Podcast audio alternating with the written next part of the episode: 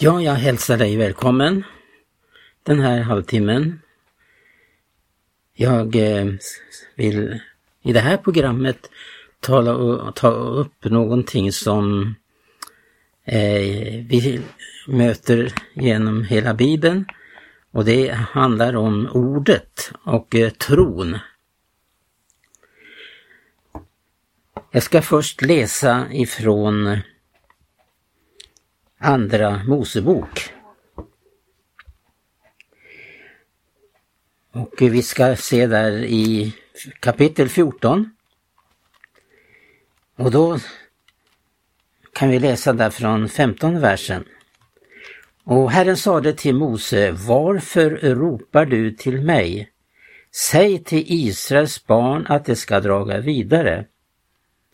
Men lyft du upp din stav och räck ut din hand över havet och eh, klyv det i tu så att eh, Israels barn kunna gå mitt igenom havet på torr mark. Det här var en alldeles speciell situation för under Mose tid. Efter att eh, de hade fått vara med om ett uppbrott ifrån Egypten. Och Den här eh, situationen som Mose får uppleva det talar om vikten av att eh, handla på Guds ord. Guds ord det är eh, mäktigt. Hebreerbrevets författare säger om ordet och tron Genom tron förstår vi att världen har blivit fullbordad genom ett ord av Gud. Så att det man ser icke har blivit till av något syndligt. Och i det här kapitlet som man har kallat det trons höga visa, alltså kapitel 11 i Hebreerbrevet, så får vi möta människor som eh, satte tro till ordet. En tro som eh, var levande. Det handlade inte om en teori, en tanke bara, utan det var trons tanke som bodde i deras hjärtan och som blev införlivat med dem. Det står ju i början av Hebreerbrevet att eh, de fick eh, Hebreerbrevets författare tar upp i fjärde kapitlet en mycket allvarlig uppmaning och varning att inte ta emot löftesordet förgäves. Och då tar det som exempel på Israels folk som i sin otro inte öppnade sitt hjärta för ordet och tron. Och därför blev det löftesord de fingo höra till intet gagn, står det, eftersom det inte blev upptaget i den som hörde det. I andra översättningar står det, ja, nu citerar jag från 1917, men andra översättningar säger att det blev inte sammansmält eller införlivat i dem som hörde det. Detta med tron, det är ju en hemlighet som eh, få människor, tror jag, upplever. Men Mose var en man som fick uppleva det här. För det första så förstår vi att eh, folket hade kommit i en mycket förtvivlad situation när de kom eh, att eh, känna sig utlämnad. Eh, vi vet den här situationen då man kommer till Röda havet så eh, man eh, på Guds hänvisning så tågar man då inte var som helst utan det är på Guds uppmaning, Guds hänvisning, hur man, var man ska tåga. Och man kommer då i en situation där man upplever där all mänsklig hjälp är eh, eh, mm, alltså den finns inte någon tillstymmelse till att lösa situationen på mänsklig väg.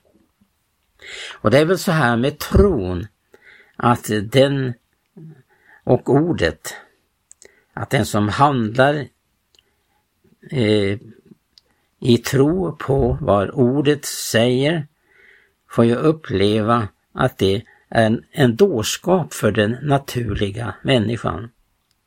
Och den här situationen när folket har kommit till Röda havet, där man upplever sig fullständigt utlämnad till en mycket mycket svår situation.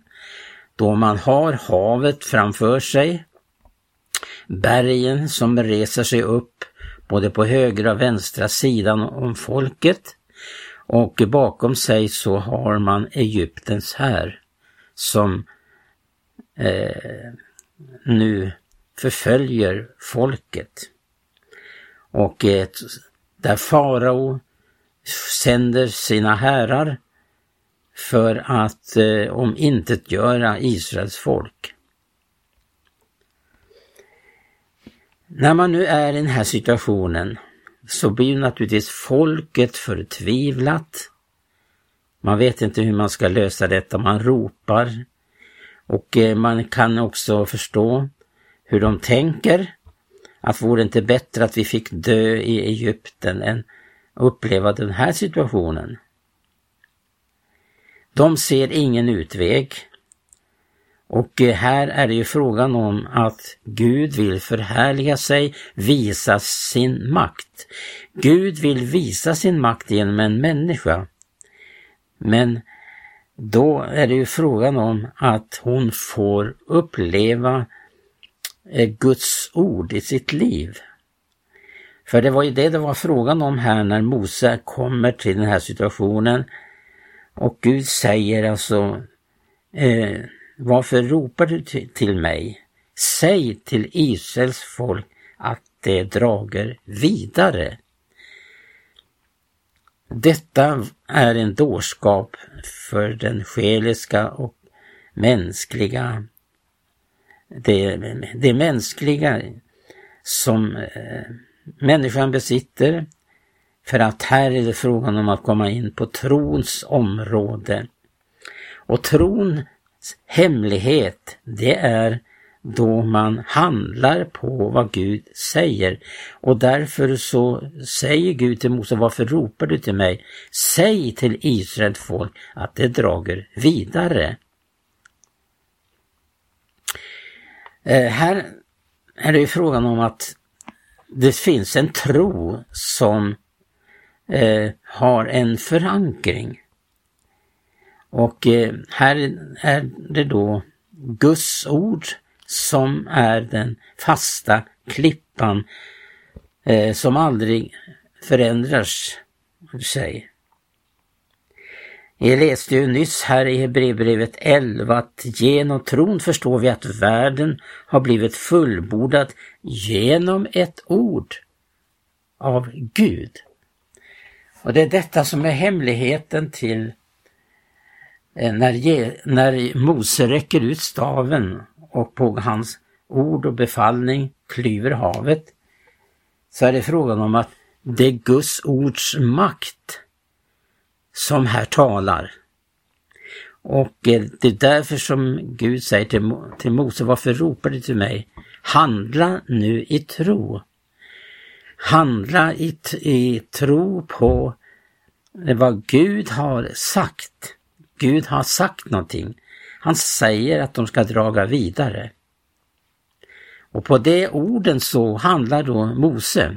Och man kan tänka att det uppstod en fruktansvärd ångest och förtvivlan bland barnen, bland eh, kvinnorna. Och eh, det här visar sig att detta under sker på grund av en människas tro och handlande. Tro, det är att handla på vad Gud har sagt att vi ska göra. Och Gud säger ju verkligen någonting till folket vad de ska göra, de ska draga vidare.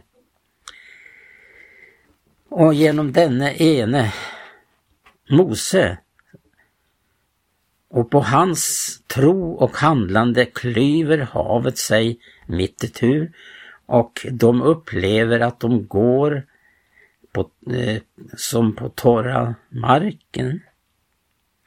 De gick genom Röda havet medan havet stod som en mur på bägge sidor om dem. Det här är ett stort under och det är för alltid frågan om att Gud vill uppenbara sig genom under. Det är ett under när en människa tar emot Guds ord och blir frälst. Och hon kallas sedan att vandra i tro här och icke åskådning.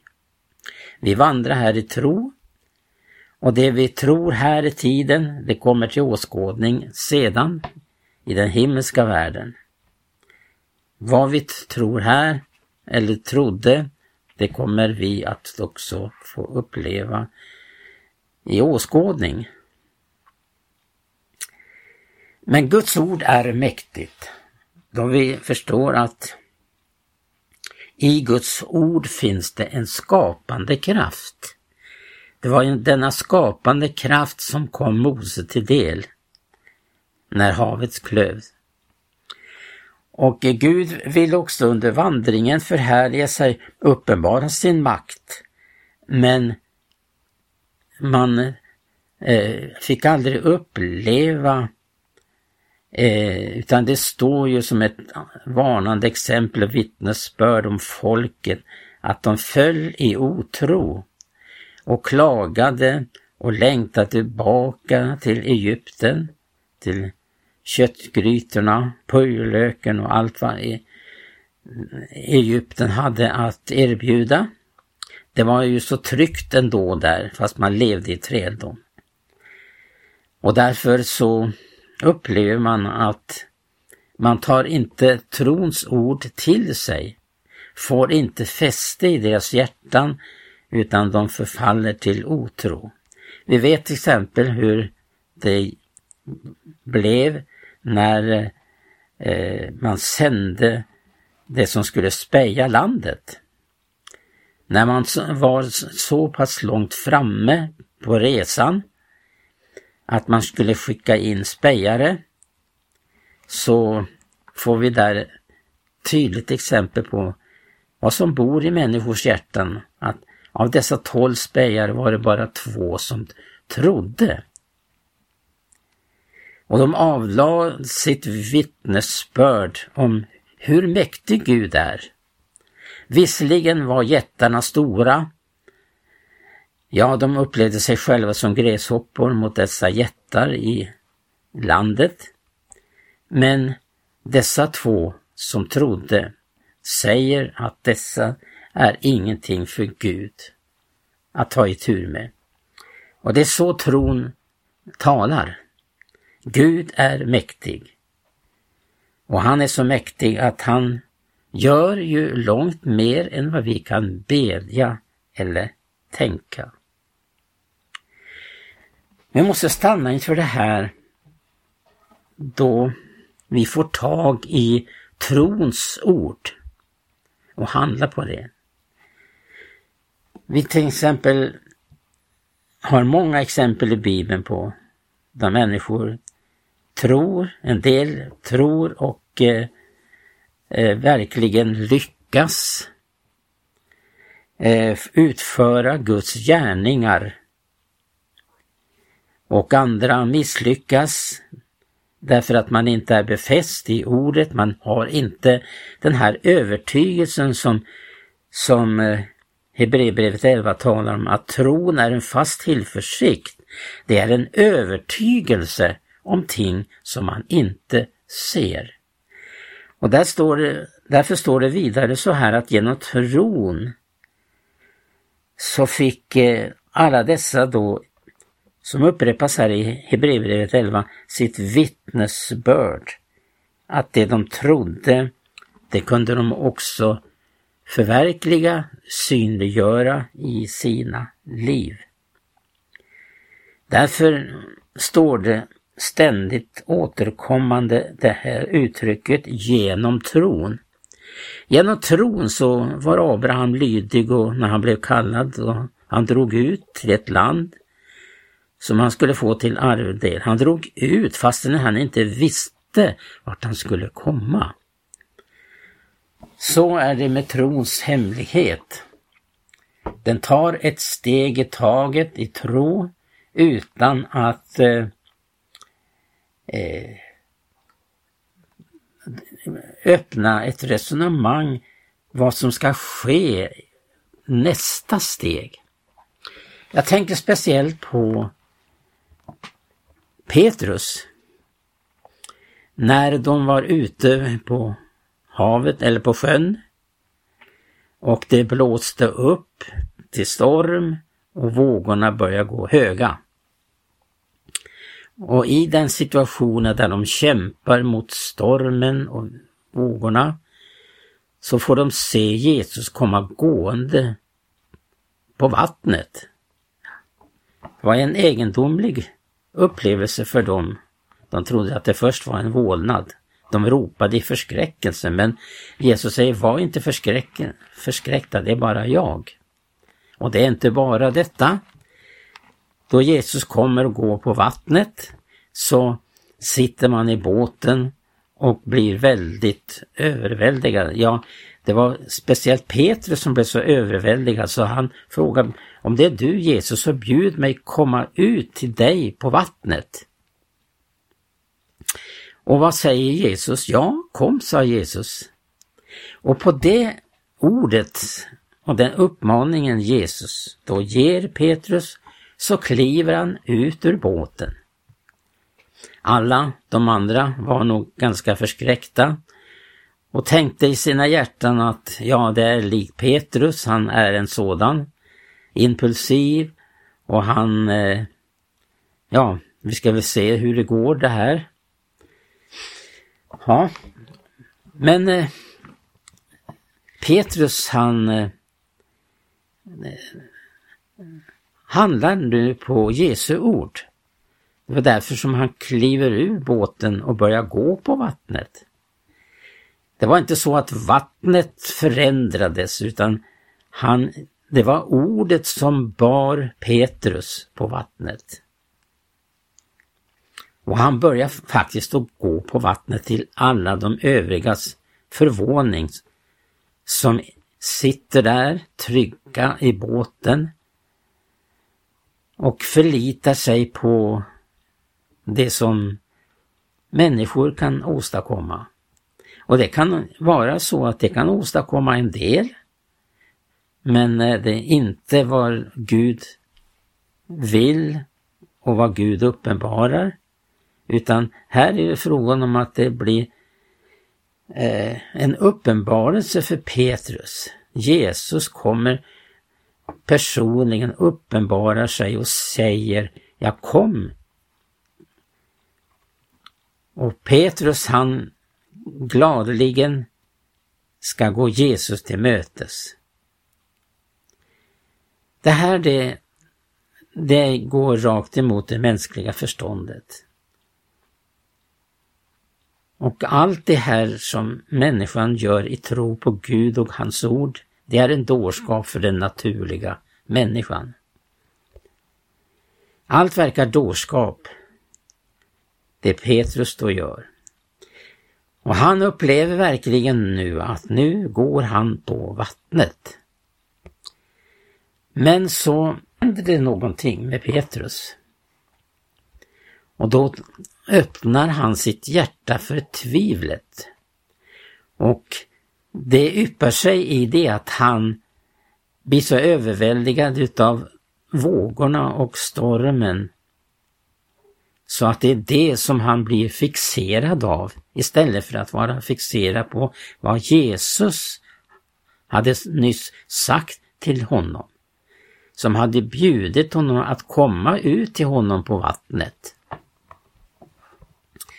Ja, då börjar Petrus att sjunka. Och det här är verkligen vad som sker då man tvivlar på Guds ord. Petrus får ju naturligtvis uppleva det här som en lärdom som följde honom resten av livet. Han fick verkligen pröva först att det håller att gå på Guds ord, men att han blir så överväldigad av omständigheterna.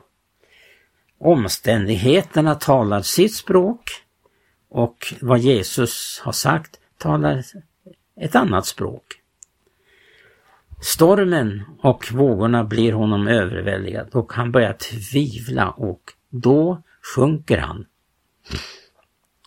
Ja, men Jesus han eh, har ett tålamod med oss och han låter allt det som sker blev till lärdom. Det blir till eh, att vi får uppleva tron som en skola. Vi växer i tro, i trons skola genom de här erfarenheten. Så det här var en dyrbar erfarenhet för Petrus. Men så räcker Jesus ut handen och drar upp Petrus igen som nu var på väg att sjunka. Jag vet inte, det står inte hur långt han hade nu sjunkit men det kan tänkas att det, det bar i alla fall neråt i vågorna och i djupet. Och eh, då säger också sen Jesus till Petrus, du klentrogne, varför tvivlade du? Tänk att det är så mäktigt att handla på Guds ord. Att uppleva Guds ord som en levande skapande kraft. Tänk på detta, vad som står i första Mosebok, från, i första kapitlet i första Mosebok. Där det står att, att Gud sa och det blev. Det var det som också skedde för Mose. Gud sa någonting som Mose tog fasta vid och handlade. Och då fick han se Guds ord mäktiga kraft bli uppenbarad och utförde detta under med att havet klövs mitt i tu och de gick torrskodda genom Röda havet. Men när Israels folk, eller förlåt, när Egyptens folk ville gå samma väg så dränktes de. Och här är det ju frågan om att vi rör oss vid de här andliga lagarna. Hur tron omfattar ting i dessa andens lagar. Och det är ju just detta som Paulus kommer fram till att när han kämpar med Romarbrevet 7, att han finner lösningen i detta med Andens lag, som i Jesus Kristus har gjort mig fri från syndens och dödens lag. Ja, fortsätt att forska i de heliga skrifterna och handla på Guds ord. Då ska du få uppleva att Gud är fortfarande undrens Gud och han gör under idag. Och idag är frälsningens dag. Idag vill Gud uppenbara sig. Är du inte frälst och ta emot honom och uppleva detta stora under med att Ta emot Guds ord och bli född på nytt. Gud välsigna dig. På återhörande igen nästa fredag.